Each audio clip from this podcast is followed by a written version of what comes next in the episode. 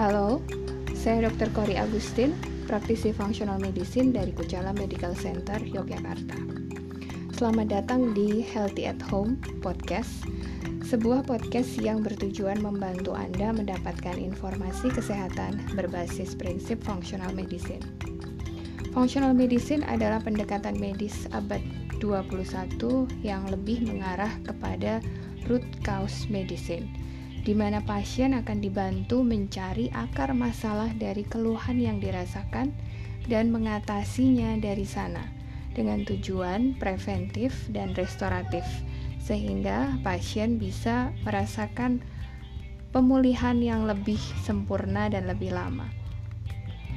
Podcast ini hanya bersifat edukatif, bukan sebagai pengganti saran profesional atau terapi dari dokter Anda.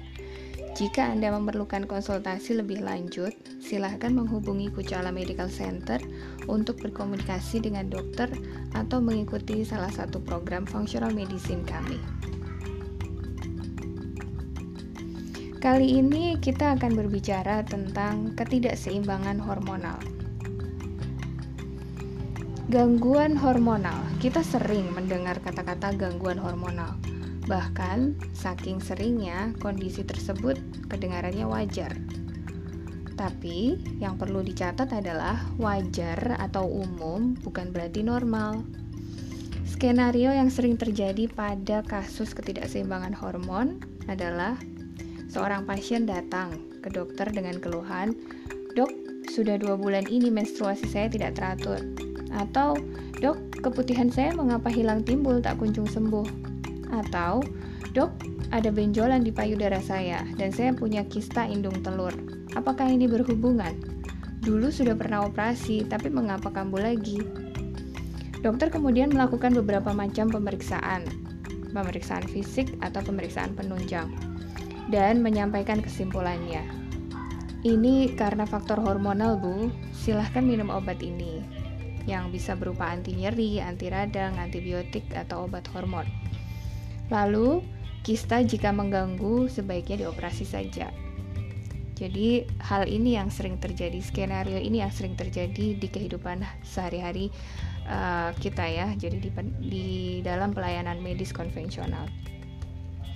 Banyak dokter melakukan terapi hormonal tanpa mengecek terlebih dahulu. Meskipun lebih simpel dan cepat, tapi langkah ini bisa saja fatal. Semisal seorang pasien datang dengan keluhan yang mengarah ke dominasi estrogen, maka dokter akan berpikir bahwa perlu diseimbangkan dengan progesteron dan dia hanya akan memberi progesteron tanpa melakukan tes hormon secara keseluruhan. Ini juga akan berbahaya jika ternyata pasien tersebut sebenarnya mengalami gangguan tiroid yang biasanya berkaitan dengan dominasi estrogen. Jadi kita perlu melakukan tes lengkap meskipun semua hormon jadi kita perlu melakukan tes lengkap meliputi semua hormon dan bila perlu juga melihat faktor lain. Sehingga kita benar-benar bisa menentukan akar penyebabnya dan mengatasinya dengan tepat. Tidak hanya menduga-duga yang akhirnya justru dapat memperburuk masalah. Ini saya mengutip dari uh, pernyataan Dr. Kerry Jones, seorang medical director Director dari Laboratorium Precision Analytical yang menyediakan tes hormon komprehensif melalui urin kering dan tes tersebut tersedia di klinik kami Kucala Medical Center. Gejala-gejala ketidakseimbangan hormonal itu apa saja sebetulnya? Jadi nyeri kepala yang berkepanjangan, gangguan menstruasi termasuk PMS. Ya, eh, PMS atau pramenstrual syndrome itu bukan sesuatu yang normal ya. Jadi uh, seharusnya Anda tidak perlu mengalaminya ketika menstruasi. Lalu keputihan yang abnormal, berat badan naik yang cepat atau justru sulit naik. Kemudian rambut yang rontok, kecemasan, depresi, kista atau tumor, tumor jinak atau ganas ya, di organ reproduksi maupun di payudara, penebalan rahim, peradangan pintu rahim atau serviks, hingga jerawat adalah sedikit dari sekian banyak gejala dari ketidakseimbangan hormonal. Jadi, semua penyakit itu tidak berdiri sendiri. Ada root cause yang jauh di bawahnya, yaitu suatu ketidakseimbangan hormon yang berupa estrogen dominant syndrome. Jadi bila itu semua hanya gejala, operasi atau obat hormon bukanlah jalan keluar yang terbaik. Mengapa? Bila kita mengobati gejala dari suatu masalah dengan obat atau operasi, namun kita tidak menangani akar masalah utama di bawahnya, maka setelah beberapa waktu gejala tersebut akan kembali lagi. Maka langkah yang seharusnya dilakukan adalah mencari dan menemukan akar masalah gangguan hormonal Anda dan mengatasinya sehingga gejala yang muncul akan berkurang, bahkan bisa hilang. Kemudian penyebab ketidakseimbangan hormonal sendiri itu apa? Apa sih root cause dari ketidakseimbangan hormon itu? Yang pertama bisa uh, berupa masalah di otak kita ya. Jadi otak kita ada bagian tertentu yang dia memang um, difokuskan untuk uh, berfungsi sebagai penyeimbang hormon, jadi pengatur uh, sistem hormonal. Namanya hipotalamus dan hipofisis. Hipotalamus adalah suatu area di otak kita yang berfungsi mengontrol regulasi hormonal tubuh manusia. Adanya kelainan di sana tentu mengakibatkan fungsinya jadi abnormal. Penelitian menunjukkan bahwa kondisi cedera kepala yang mengenai hipotalamus atau area di dekatnya dapat menimbulkan ketidakseimbangan hormon. Selain cedera kepala, tumor yang muncul di area itu juga dapat menimbulkan kelainan hormonal. Yang kedua, root cause yang kedua adalah masalah komunikasi antar otak, hipotalamus dan hipofisis dengan organ-organ penghasil hormon atau kelenjar endokrin. Nah, hipotalamus dan hipofisis kan bertugas mengirimkan sinyal atau menghasilkan uh, untuk menghasilkan yang berupa uh, perintah untuk menghasilkan atau tidak menghasilkan hormon kepada organ-organ yang uh, tugasnya memang menghasilkan hormon tersebut yang disebut dengan kelenjar endokrin.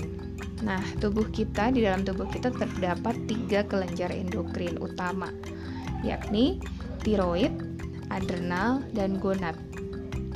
Tiroid untuk menghasilkan hormon tiroid, adrenal untuk menghasilkan hormon-hormon adrenal seperti kortisol, epinefrin, eh, adrenalin seperti itu, norepinefrin, kemudian uh, kelenjar gonad itu untuk menghasilkan eh, hormon-hormon terkait reproduksi seperti um, testosteron, androgen, progesteron, estrogen. Lalu root cause yang ketiga apa? Root cause yang ketiga bisa e, berupa masalah kelenjar endokrin itu sendiri. Jadi tadi yang pertama masalah di otaknya, yang kedua masalah komunikasi antara otak dengan kelenjar endokrin, dan yang ketiga masalah kelenjar endokrin itu sendiri. Kelainan di kelenjar tiroid berupa hipo atau hipertiroid dan tumor itu bisa terjadi di kelenjar endokrin Kemudian kelainan kelenjar adrenal bisa berupa hiperplasi adrenal kongenital atau tumor adrenal. Dan yang ketiga kelainan kelenjar gonad itu bisa terjadi di testis atau ovarium, misalnya kista atau tumor. E, kemudian yang keempat, root cause yang keempat adalah masalah di sistem tubuh lain seperti pencernaan. Jadi tidak banyak yang memahami bahwa pencernaan kita itu sebetulnya sangat berperan penting dalam sistem regulasi hormon. Adanya gangguan pencernaan seperti ketidakseimbangan mikroba usus serta radang kronis dan infeksi pada sistem pencernaan akan menimbulkan gangguan regulasi hormonal yang kemudian muncul sebagai gejala hormonal.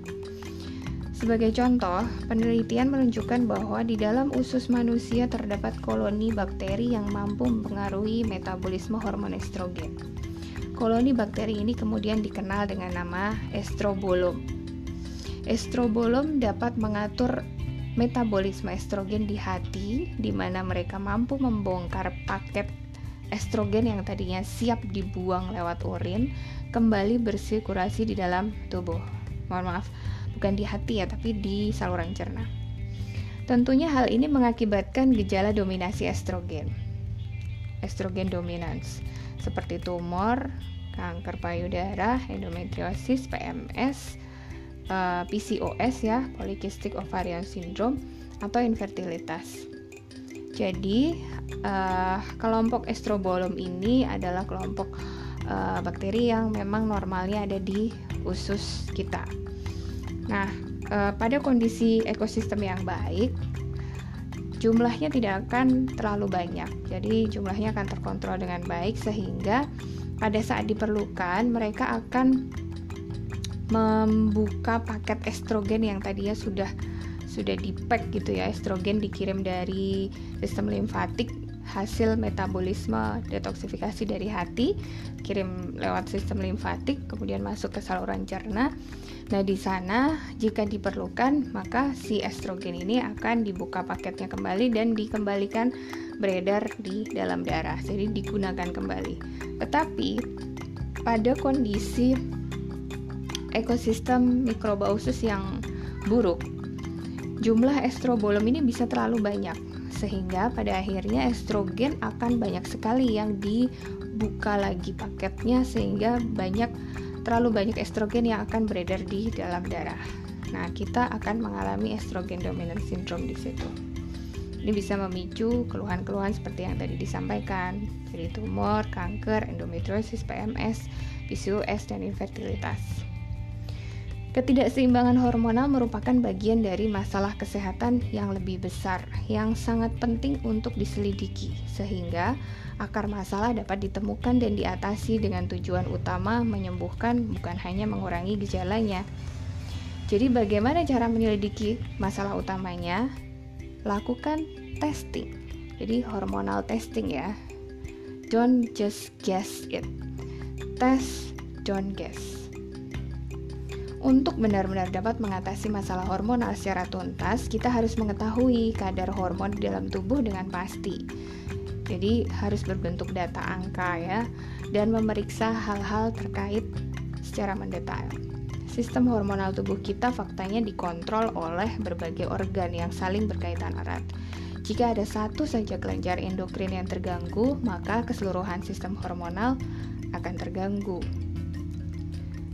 Sebagai contoh, seseorang dengan hormon stres yang tinggi, kortisol, dalam jangka waktu lama juga akan mengalami masalah di hormon reproduksinya. Sehingga akan muncul gejala-gejala terkait sistem reproduksi, seperti terganggunya pola menstruasi, infertilitas, dorongan seks yang menurun.